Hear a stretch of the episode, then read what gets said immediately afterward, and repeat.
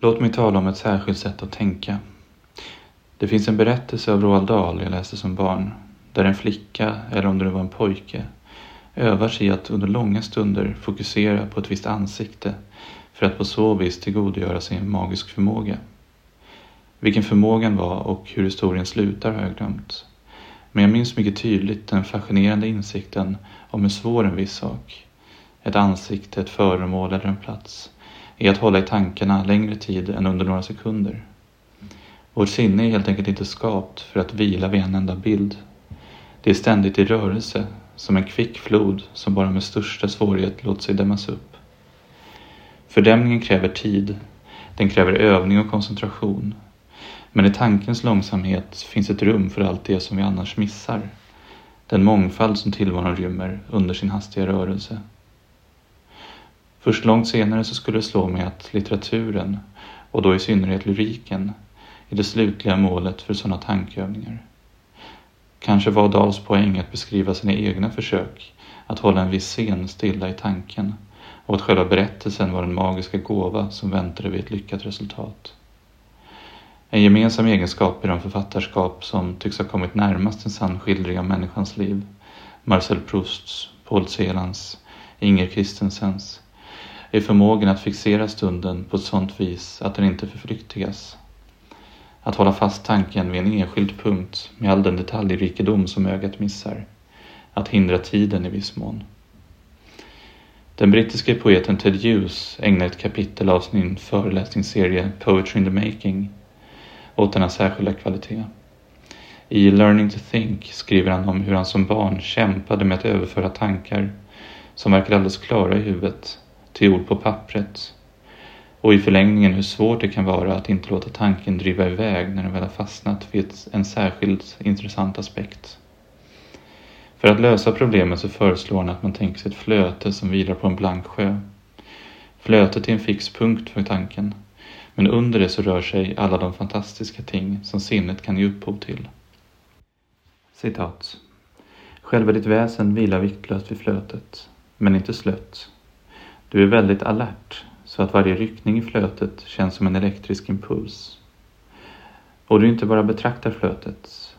Likt när du lyssnar till kontrabasen i en orkester så är du, på ett horisontlöst och lätt förtrollat vis, uppmärksam på fisken där nere i mörkret.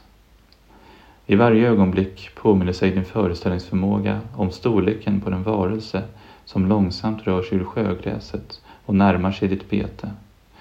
Eller om den värld av skönhet som finns där nere, svävande i fullständig ovetenskap om dig själv. Slutcitat. Jag drar mig till minnes Ted Hughes eleganta tankefigur när jag läser Pissblomma av den engelska poeten Joe Chapcotts. Inte bara är Chapcott i rakt nedåtstigande led lyriskt besläktad med Hughes, om än i ännu högre grad med poeter som Elizabeth Bishop, Caroline Duffy och D.H. Lawrence. Hon äger just den förmågan uppmärksammar i sin essä, den meditativa, lyssnande fallenheten för att utforska ett visst ögonblicks djup. För att ta samlingens första dikt, Mitt liv i sömnen. Citat. Allt väsnas, fraset från lakan, hårnoppornas uppror, tandgnissel. Svettdropparna nästlar sig in i vartenda veck av kroppen. Men andningen är jämn, hon är varm. Rummet så tryggt ett rum i London kan vara. Tunnelbanan slamrar bara några meter under henne och planen till Heathrow kretsar över taken. Du märker att kroppen och luften som andas ut luktar mer om dagen. Hon är vänligare, lenare. Kom närmare för att fånga upp sömnens kostbarheter. Hör huden ticka. Smaka på nattsvettens alruna. Böj dig fram och sätt ett finger på stället där du tror att drömmen är. Slutcitat. Hur smakar nattsvettens alruna? Vilka är sömnens kostbarheter? Deliciouses är det svåröversatta engelska ordet som anspelar på både smak och känslighet. Och hur sätter man fingret på nattens dröm? Sådana frågor glänser till i den korta dikten. Obesvarade förstås, men framställda i ett modus som är igenkännbart för den som befinner sig mellan vakenhet och sömn. Själva jaget flyter stilla på nattens yta, medan de sinnesförnimmelser som både är och föreställs, dofterna, ljuden och känslan, rör sig djupt under den. Detta undertill, sinnets underjordiska sjö för att låna en bild från Louis Glück, är Chapots hemvist.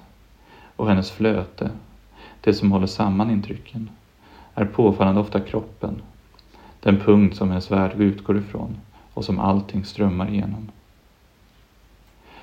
Om kroppsligheten, den taktila känslan av att vara vid liv, är en central utgångspunkt i Oshapkos lyrik, är lekfullheten och förvandlingen hennes tillvägagångssätt. Hos henne möter allvaret det lättjefulla. Den brinnande nyfikenheten ställs mot förfallets kval. Och ofta sammanfaller dessa två linjer på surrealistiska vis. Det finns i Aris Fioretos översättning ett första urval av Chapcots dikter på svenska. Dikterna i Pissblomma är hämtade från den prisbelönade debuten Electroplanting the Baby, från Freys bok My Life Asleep och den Costa-prisbelönade återkomsten of Mutability. Tolkningarna är väntat gedigna, utförda med tillräckligt stor respekt för att låta vissa engelska uttryck stå kvar som de är, medan andra på ett djärvt vis kan få en ibland oväntad svensk innebörd. Lästa vid sidan om varandra utgör dessa fyra böcker, där finns också dikter som publiceras fristående, en påtagligt överensstämmande samling. Redan i debuten ser man spår av de lekfulla vändningar som skulle fördjupas i det mogna författarskapet. Citat. Då den kalla luften drog ner från Arktis gled ett lågtryck över Irländska sjön. I Cambridge halkade cricketspelarna. Bergspassen i Penninerna spärrades. Yorkshires strömledningar störtade samman. Fåren gillade snön. Den passade deras kamouflagefärg. De levde likt nya kreatur i sina isgrottor. Isandning, isfällar, idisslande och verkar. Men tungorna fastnade på isen när det blodiga vattnet frös kring deras lamm. Nu är det sommar. Jag spanar efter kalla drinkar, petar i cocktails, håller upp kylt te mot ljuset. Jag söker en iskub, randig som en mintkaramell, att hålla i kinden och sakta låta smälta till dess hovar fladdrar över tungan. Slutcitat. Vid första anblick är Sen snö en dikt om just det. Ett ovanligt kyligt väder som drar in över de brittiska öarna med en bild av de frusna fåren inkapslade i sig. Det är den sista bilden, med hovarna som, fångade i isbiten, fladdrar över tungan, som vittnar om Chapcots egendomliga bildspråk. Passagen mellan det ena och det andra, mellan fårens belägenhet i snön och jagets falka på stranden, är talande för det förvandlingsmotiv hon utvecklar i senare verk. De metamorfoser som Chapcot återkommer till påminner mindre om Kafkas Grigor Samsa och mer om den gradvisa förvandlingen i Marie Derieux suggestioner, den om kvinnan som bit för bit övergår till att bli en gris. Kanske är det en fråga om perspektiv, där en mer psykologisk förvandling, som hos Kafka, rymmer en protest mot tillvaron som sådan knyter både Darujusek och Chapcot i högre grad an till en feministisk syn på kropp och omvårdnad. En dikt som Get uttrycker inte bara ett främlingskap inför samtiden. Den tycks också upphöja förvandlingen som ideal. Citat.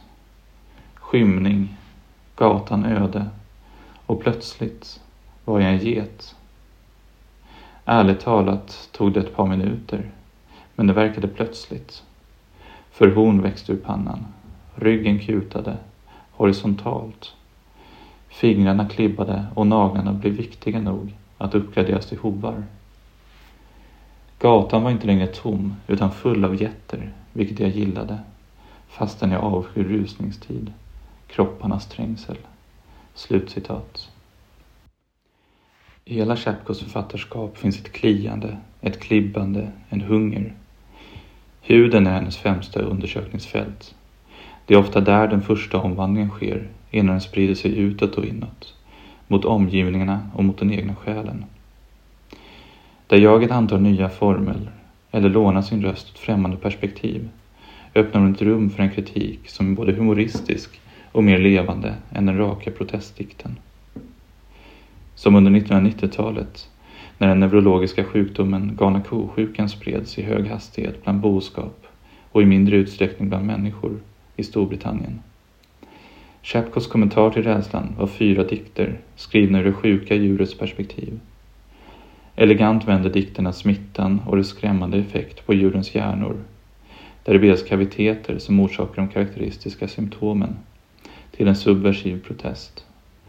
Citat. Det finns underbara hål i min hjärna, genom vilka idéer från utsidan färdas, i högsta fart, och röster, ibland hela människor, talar med mig om universum. Slutcitat. Gränsen mellan djuret och världen tycks inte viktig. I dikten Den galna kon tror att hon är världens ande vecklas kojaget ut för att stå för de klassiska mediala orosmolnen. Citat.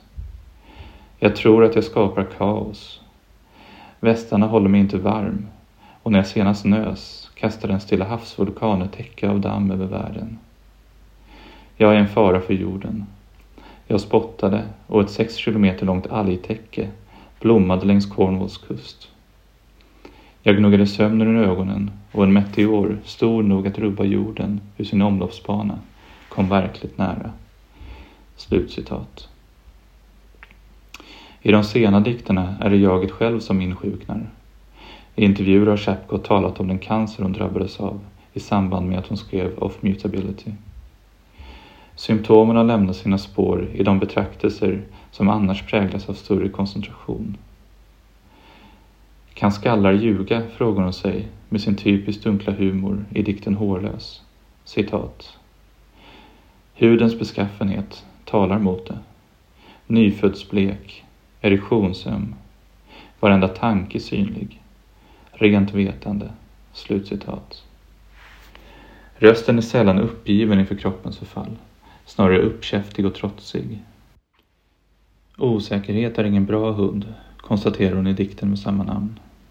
Citat. Den äter bräken och fårskit, släpper sitt spill i rävhål och vältrar sig i alla variabler. Fränger på rygg tills dess hon stinker av dem, till dess deras lukter är hennes. Slutcitat. I mångt och mycket så stöter hon symptomen ifrån sig, ger dem nya namn och leker med dem. På samma sätt som hon inbjuder läsaren att inta Ugglans överblick i dikten Nattflyg från Muncaster kan hon likna ett medicinskt ingrepp vid färgen av en kopp te, det hon kallar den gula tiden. Döden framstår både som dramatisk och källa till upptåg. Chapcott skriver nästan uppsluppet om en man som drunknar i en kopp Earl Grey, eller som i dikten Dödarna kan hon föreställa sig slutet som någon hon kan bli vän med och ge sig ut på fylleslag med. Ögonen kräver tid att vänja sig vid Joe Chapels dikter. Hon överträder ofta gränsen till det överdrivet fantasifulla och fortsätter bortom den. Men att hon gör det utan tvekan och löper linan fullt ut vänder överträdelsen till hennes fördel. Den som läser mellan raderna missar det väsentliga dessa samlade dikter pekar inte mot någonting bortom sig själva. De har sin nisch i det förverkligade infallet och följer sina idéer, hur märkliga de än kan tyckas, dit de är på väg. Och visst kan en språk röra sig lika hastigt som den värld hon betraktar. Men det är när hon stannar upp i ögonblicket och låter sig fokusera på det där flötet som vilar på tillvarons yta som Chapcott är som allra bäst. Likt dikten Snår ur Off Mutability med sin undersköna bild av själens kamp mot en kropp som inte alltid svarar. Citat. Vad är det där i ligusten som för runt bland grenar och döda löv? Det är en av mina extra händer som röjer genom snåret på jakt efter björnbär. Det är mina gamla träningsskor, dansande nu när de är fria från fötterna. Det är min stackars lilla tant som drar i demensens kvistar det är jag som snurrar runt i det bruna lövverket. Skrattar och blinkkisar vid varandra här och borta, här och borta, här och borta. Glimt av solen. Slutcitat. Den här recensionen är originalpublicerad på www.ornenochkrakan.se under ansvarigt utgivarskap.